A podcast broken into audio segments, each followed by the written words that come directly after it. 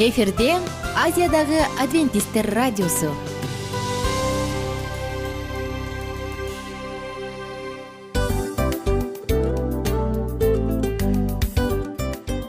Достор салют. Баардык сүйүктүү угармандарыбызга салам айтабыз. Кутман күнүңүздөр менен. Ден соолук өмүрдүн булагы демекчи саламат саамы программасында баарыңыздарды көргөнүбүзгө абдан кубанычтабыз. Анда алгач амандашып өтөлү арбаңыздар деп. Ден соолугуңуздар кандай элибизде көбүнчө ден соолук кандай дегенде эле жакшы деп жооп беребиз э? ооруп турсак дагы жакшы дейбиз. Анан мен муну айтып ойлойт элем бул абдан сонун сөз депчи анткени бул жакшы деген үмүт да э ооба баары жакшы болот. Баары сонун. Деп үмүттөнүп атып эле өзүбүздү өзүбүз дарылап коебуз. Анысы кандай сиздин дагы ден соолугуңуз жакшы беш деген үмүттөбүз чындыгында ден соолук бул өмүрдүн булагы деп бекеринен айтылган эмес деп ойлойм. Кыргыз элинде анткени эгерде ден соолук жок болсо анда адамдын жашоосунда калган баардык керектүү маңыздуу нерселер өзүнүн баалуулугун жоготуп коет. Ошондуктан ден соолук бул эң керектүү нерсе. Ооба туура айтасың кесиптешим. Чынында ден соолугуң жок бир эки үч күн ооруп калсаң эле кандай болуп калат? Жашоодо көз каранды болуп каласың көп нерсеге жетишпей каласың көп нерсени кыла албай каласың жада калса эшикке дүкөнгө да чыга албай каласың. Туптуура анан ден соолук болсо демек биз биздин бактыбыз тоодой деп койсок болот. Анда достор саламат рубрикабызды баштайлы. Алдыда өзүңүзгө керектүү болгон сонун кеңештерди уга аласыздар. Мына ошондуктан биз менен бирге болуңуздар. Ал эми биз болсо милан жана айнура. Кеттик алга. Алга саламат саама ден соолуктун жарчысы. Саламат саама ден соолуктун ачкычы. Күн сайын сиз үчүн мыкты кеңештер сонун жаңылыктар кызыктуу фактылар. Биздин рубрикада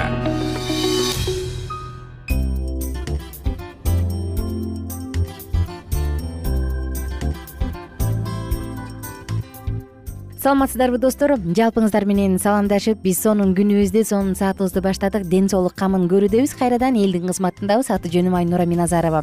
Бүгүн дагы ичеги карын инфекциясы жөнүндө темабызды улантабыз жана конокторубуз бар дарыгер инфекционист эжекебиз токтогожоева алтын мусаевна жана дарыгер эпидемиолог агабыз казиев балгарт казиевич. Саламатсыздарбы? Саламатсыздарбы.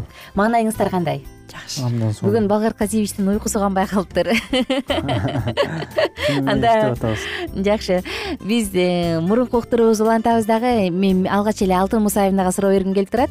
Э, кайсы мезгилде оору күч алат жана ооруп баштаганда эле кимге кайрылыш керек ушул жөнүндө айта кетсеңиз. Бул ичек карын оорусу негизи э, жайында көп болот да себеби жаздан эле уже башталат клубникалар чыга баштаганда эле элдердин баары эле ошо базардан эле обработка кылбай эле ооз тийип көрөйүнчү деп жей башташат дагы. Ооз тийиңиз ооз тийиңиз мына жеп көрсөңүз десе анан кеч күзгө чейин бул сезон деп койсо болот ичек карын ооругандардын э, жалаң гана бактериялар э, жана дагы башка ушу ичек карын оору чакырган эмелер ушу жай мезгилинде толук жай мезгилинде көп кездешет да. Кичинекей балдарда чоңдорго чейин кышында э, чоң кишилер оорубайт көп жалаң эле кичинекей балдар себеби дегенде алар жуубай эле көбүнө эле оозуна сала берет. А жайында болсо жанагы отравление деп атпайбы пищевой токсик инфекция менен көп келген э, чоң кишилер да болот да. Анан эми мунун даарылаганы э, өзүнүн клиникасына карата белгилерине карата биринчи эле келгенде диагноз коюп алып жана дагы формасына карап эметебиз амбулаторный деп коет ошо үй бүлөлүк медицина борборунда эле даарыласа жакшы болот. Ал эми калган э, өтө оор болгондор жанагындай обезвоживание деп коет суусу кетип калгандар гана больницага барыш керек. Же болбосо судорогиси бар болсо мурунку ушу температура бат эле судорога берчүлөрү бар дцп менен ооругандардыкы ушундай тяжелыйраак болот. Недоношенный балдардыкы тяжелый болот. Ошолор гана больницага барыш керек да. Ал эми калгандарын поликлиникада өзү мына биздин деле сегизинчи күндүз дневной стационар деп коет. Капать этишет ошол эле балдарга ошондой эле жардамды бере алабыз. Эми жардам бергенде жана айтып кеттим белгилерине карата деп. Эгерде болот кээде жана могу көп болгону менен антибиотик сайбаган оорулар болот да. Аны гастроэнтерит деп коет же энтеритный форма деп коет. Буларга капельница коюш керек же болбосо суюктукту көп берсе эле өзү кайра калыбына келет. Ал эми энтероколитный же болбосо сальмонеллезный этиология стафилококку этиология же болбосо дизентерия болсо сөзсүз түрдө бул микроб бактерия чакырган оору болуп эсептелинет да буга сөзсүз түрдө антибиотиктен башташ керек. Менин да ошол кийинки суроом ушул болчу да антибиотиктер жөнүндө. Бир гана антибиотиктер өлтүрө алабы бул кишечный инфекцияларды же башкача ыкмалар менен мындай так такыр өлүп калыш үчүн. Анткени жакында бир айым менен сүйлөшсөк баласын ичип өтүп тогуз жолу больницага жатып чыгыптыр. Бул биз жактагы жугуштуу оорулар клиникасына. Анан айтат да улам улам эле жуктуруп ала бердик депчи. Анан улам улам антибиотик алып атып аягында балам аябай шайы кетип калды депчи анан мага мен аябай таң калдым да эмне башка таптакыр ыкма жок бекен кандайча ушундай болду деп. Перезаражение боло берди окшойт дейт да. мындай да перезаражение деп азыркы айтып аткан внутрибольничный инфекция деп коет да бирок буга чейин тогуз жолу жатса бизде дагы больницаларда э, сөзсүз түрдө текущий уборка деп коет улам улам ар бир бала жаткандан кийин ошо жаткан жерин дагы обработка кылып турат. Себеби дегенде санэпидстанция көзөмөлгө алып турат да государственныйда андай упущениялар болбойт да негизи. Анан кээде эле болбосо бул тогуз жолу жаткан өзү эле күнөөлүү болуш керек деп ойлойм да.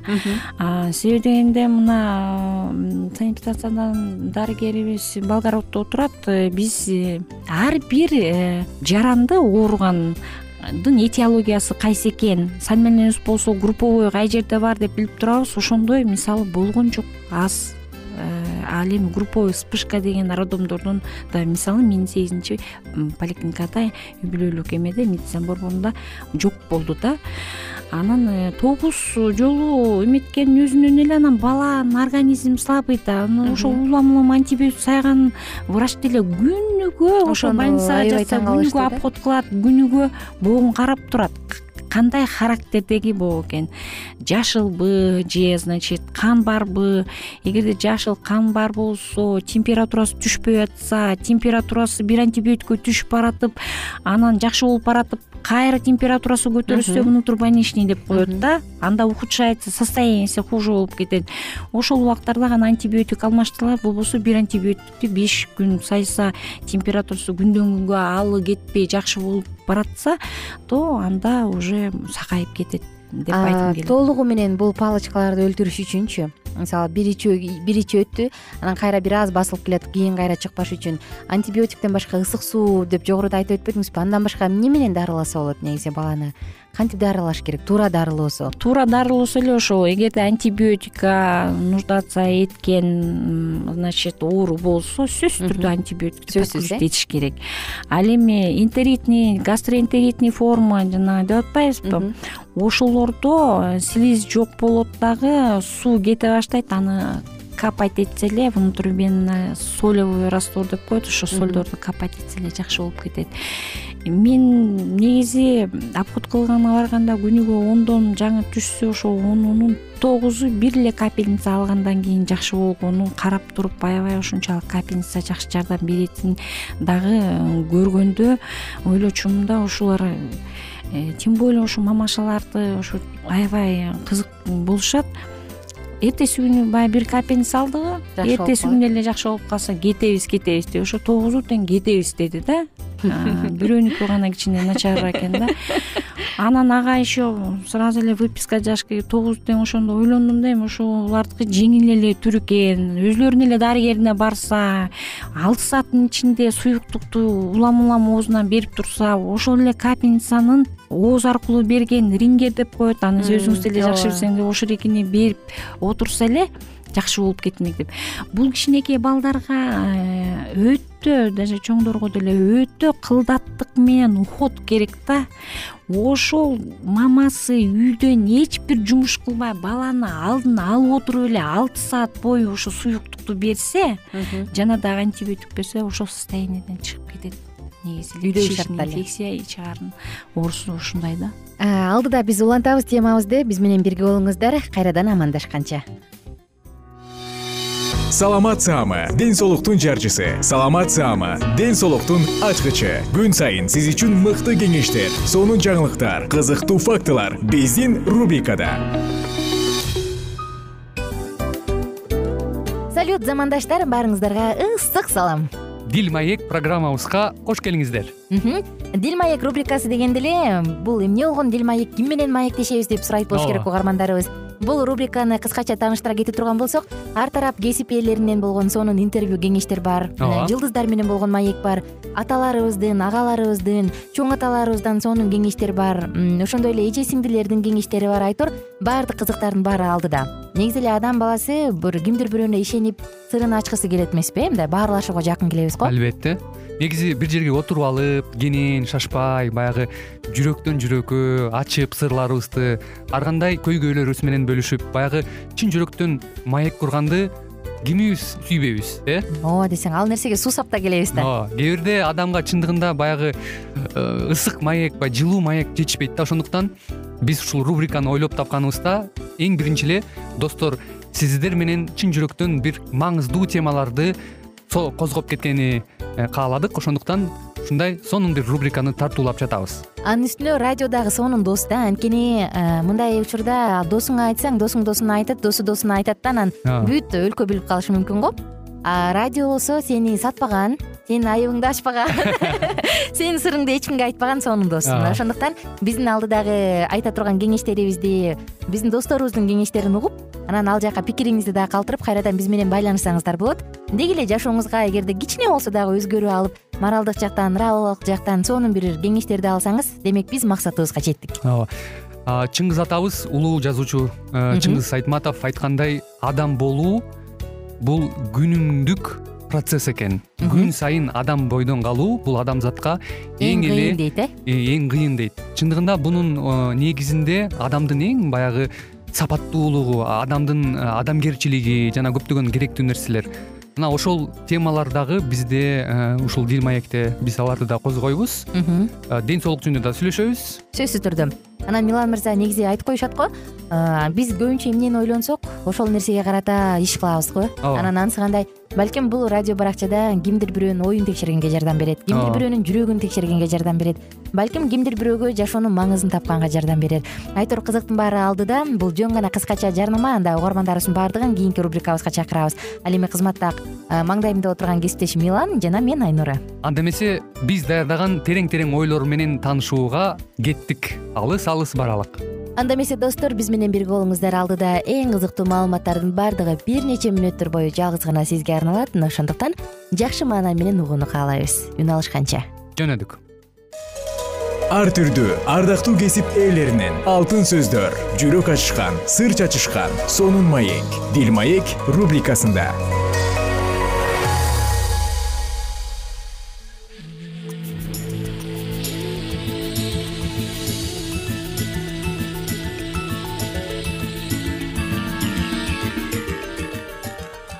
амансызбы ардактуу радио каарман кайрадан эле сиздер менен биргеликте бактылуу никенин баалоо эрежелери аттуу уктуруубузда кездешип жатканыбызга өтө кубанычтабыз.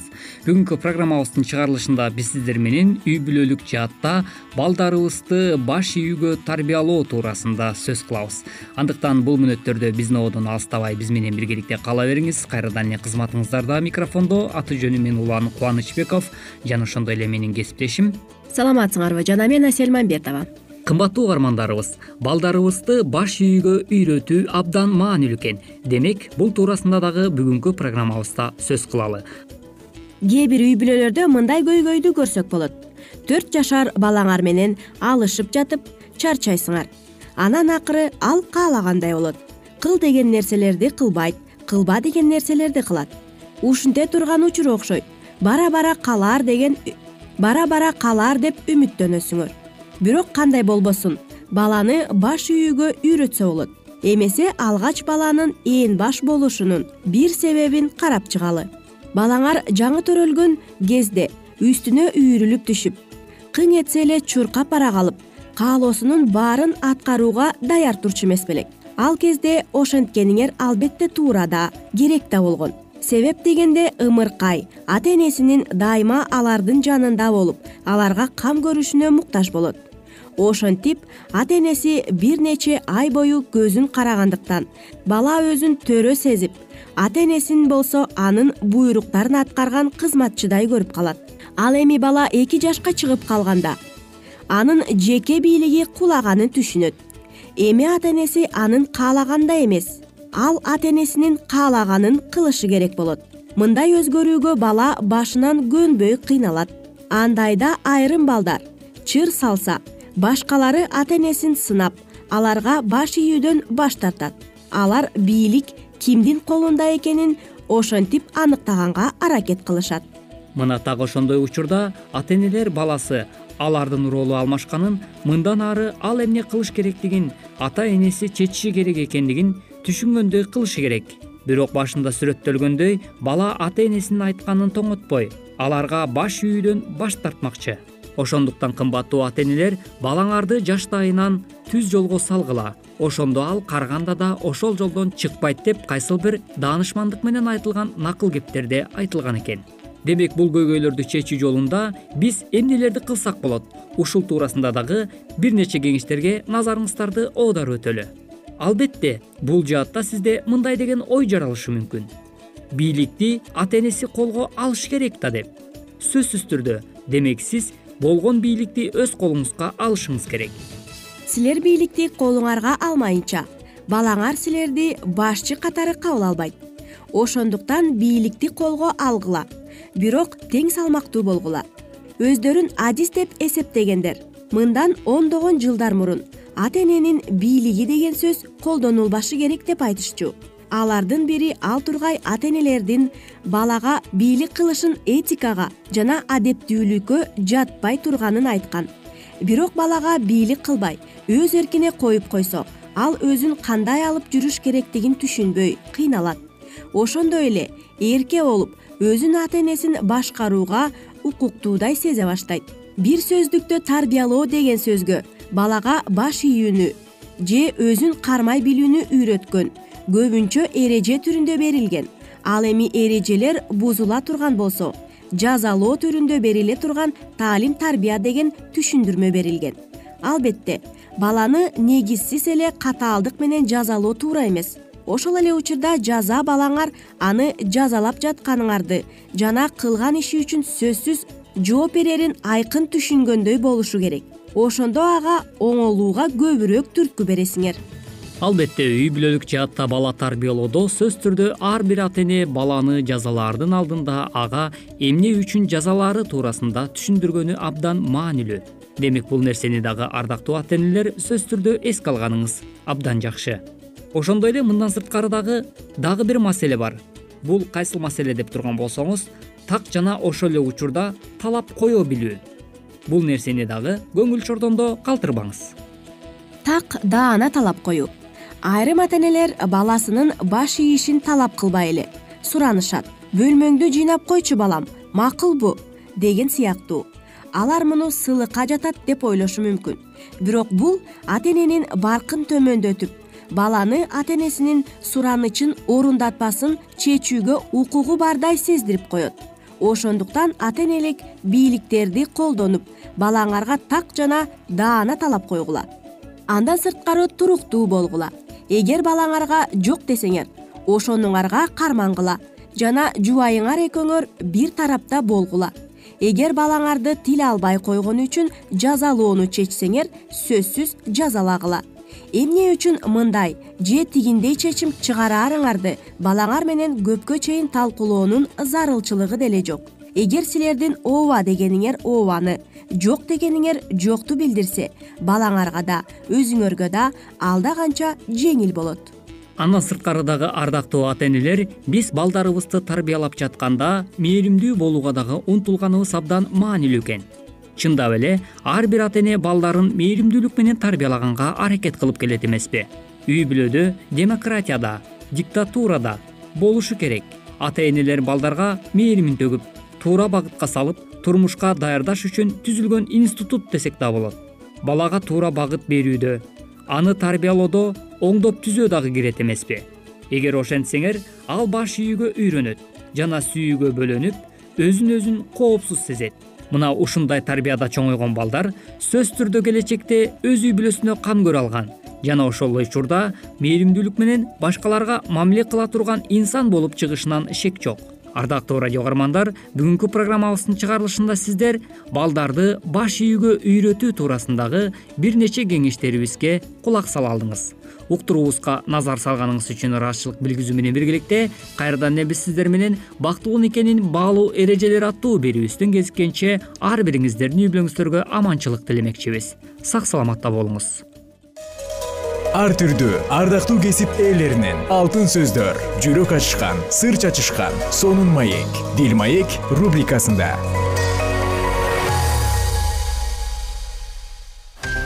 Жан дүйнөңдү байыткан жүрөгүңдү азыктанткан жашооңо маңыз тартуулаган жан азык рубрикасы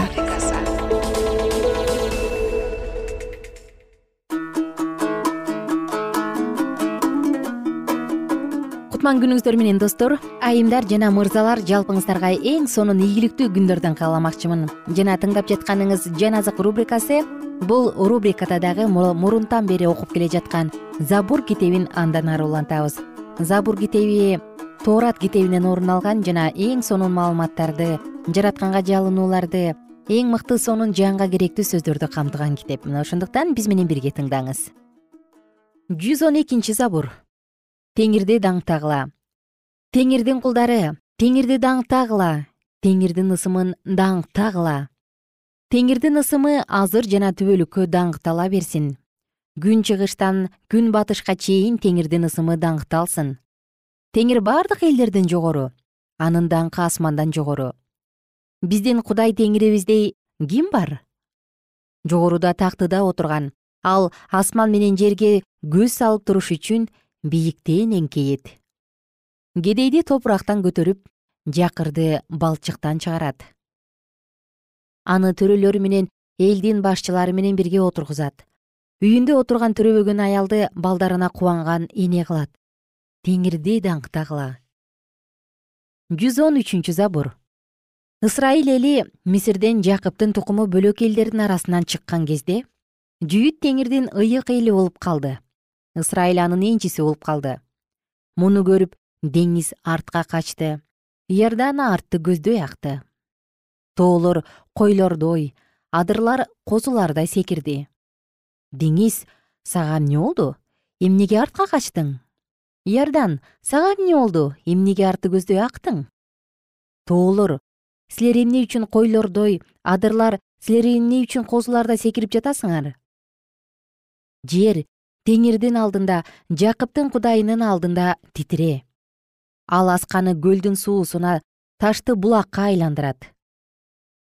Бизде эмес теңир бизде эмес. Өз ырайымың үчүн өз чындыгың үчүн өз ысымыңды даңкта. Бутпарастар булардын кудайы кайда? деп айтышпасын. Биздин кудайыбыз асманда.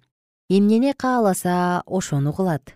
Ал эми тигилердин жасалма кудайлары күмүш жана алтын адамдын колу менен жасалган нерселер алардын ооздору бар бирок сүйлөбөйт. Алардын көздөрү бар бирок көрбөйт. Алардын кулактары бар бирок укпайт. Алардын мурундары бар бирок жыт билбейт. Алардын колдору бар бирок сезбейт. Алардын буттары бар бирок баса албайт алардын көмөкөйүнөн үн чыкпайт. Аларды жасагандар жана алардан үмүт кылгандардын баары ошолорго окшоп калышсын ысрайыл тукуму теңирге таян ал биздин жардам берүүчүбүз жана калканыбыз. Арундун тукуму теңирге таян ал биздин жардам берүүчүбүз жана калканыбыз. Теңирден корккондор теңирге таянгыла ал биздин жардам берүүчүбүз жана калканыбыз. Теңир бизди унуткан жок бизге батасын берип жатат. Ысрайылдын тукумуна батасын берип жатат арундун тукумуна батасын берип жатат. Ал теңирден корккондорго чоңдорго да кичинелерге да батасын берип жатат. Теңир силерге да силердин балдарыңарга да мындан көп батасын берсин. Силер асман менен жерди жараткан теңирден бата алгансыңар. Асман теңирдин асманы ал эми жерди ал адам баласына берген. Теңирде өлгөндөр көргө киргендердин бири да даңазалабайт. Бирок биз теңирди азыр жана дүбөлүккө даңазалайбыз жүз он төртүнчү забур теңир менин үнүмдү жалынуумду укканына кубанам. Ал мага кулак салды. Ошондуктан мен аны өмүрүм өткөнчө чакырам. Мени өлүм торлору чырмап алды. Мага өлгөндөр жаткан жайдын кыйноолору жетти. Мени кысталышта калдым. Кайгыга туш болдум. Ошондо мен теңир менин жанымды куткар деп теңирдин ысымын чакырдым. Теңир ырайымдуу жана адилет биздин кудайыбыз боорукер теңир куулугу жок адамдарды сактайт. Мен алсырап калганда ал мага жардам берди жаным өзүңдүн бейпил жайыңа кайт анткени теңир сага ырайым кылды. Сен менин жанымды өлүмдөн көздөрүмдү жаштан буттарымды мүдүрүлүүдөн куткардың. Мен теңирдин алдында тирүүлөрдүн жеринде жашайм. Жүз он бешинчи забур. Мен ишенгем ошондуктан мен катуу кыйналдым дедим. Мен ойлонбой туруп бардык адамдар алдамчы дедим. Теңирдин мага кылган бардык жакшылыгын кантип актайм? Куткаруу чөйчөгүн кабыл алып теңирдин ысымын чакырам. Теңирге берген убадаларымды анын бүт элинин алдында аткарам теңирдин көз алдында өзүнүн ыйыктарынын өлүмү кымбат. О теңир мен сенин кулуңмун мен сенин кулуңмун мен сенин күңүңдүн уулумун сен менин кишендеримди чечтиң. Сага мактоо курмандыгын арнайм теңирдин ысымын чакырам. Теңирге берген убадаларымды анын бүт элинин алдында аткарам. Аларды теңир үйүнүн короосунда иерусалим сенин ичиңде аткарам теңирди даңктагыла жүз он алтынчы забур. Бардык элдер теңирди мактагыла бардык уруулар аны даңктагыла анткени анын бизге көрсөткөн ырайымы эбегейсиз теңирдин чындыгы түбөлүктүү.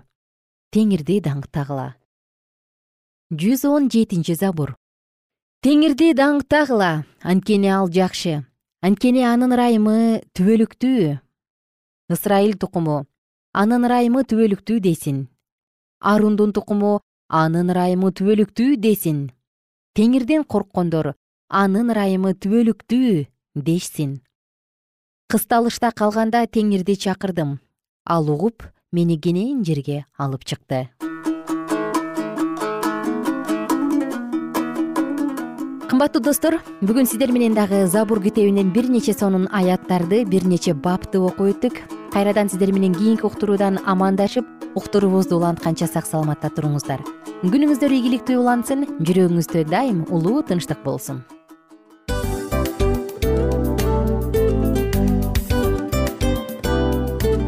Ушул менен достор программабыздын уктуруубуздун эң кайгылуу мөөнөтүнө келип жеттик. Кайгылуу дегенде ыйлагым келип кетти кесиптеш. Кадимкидей анткени баягы учурашасың анан коштошуу учур келгенде ии кантип ии эми эми бат баттан келиптир э сагындырбай деп атып араң коштошобуз го. Анысы кандай? Угармандарыбыз менен коштошчу учур келди кийинки уктурууларды сагыныч менен жүрөгүбүздө кусалык менен күтөбүз жалпыңыздарды анан жарым сааттык уктуруу көз ачыш умканча өтүп кетти. Сөзсүз. Бирок бизде жакшы кабар бар. Кийинки уктурууларыбызда сөзсүз дагы кезигишебиз. Анткени биз көптөгөн сюрприздерди кызыктуу маалыматтарды жана керектүү керектүү нерселердин көпүнчөсүн даярдадык. Андай угармандарыбыздын баардыгына ийгиликтүү күн каалайбыз. Эгерде бүгүнкү күнүңүз өзгөчө э, өтүшүн кааласаңыз анда позитивдүү ой жүгүртүп жылмайып жакындарыңызга жакшы маанай тартуулап жүрө бериңиз. Анткени сөзсүз түрдө мунун арты кайтат э? Сөзсүз. Баягы ден соолугуңа оңолот ал бул деп көп нерсени санап келебиз. Эң негизгиси бул сиздин жашооңузду жаркын кыла түшөт экен жараткан кудай ар бирөөңүздөргө батасын берсин жашооңуз ийгиликтүү болсун сак саламатта калыңыздар деп мен милан жана кесиптешим айнура. Баардыгыңыздар менен кийинки уктурууда үн алышканча. Баарыңыздарга ийгилик каалайбыз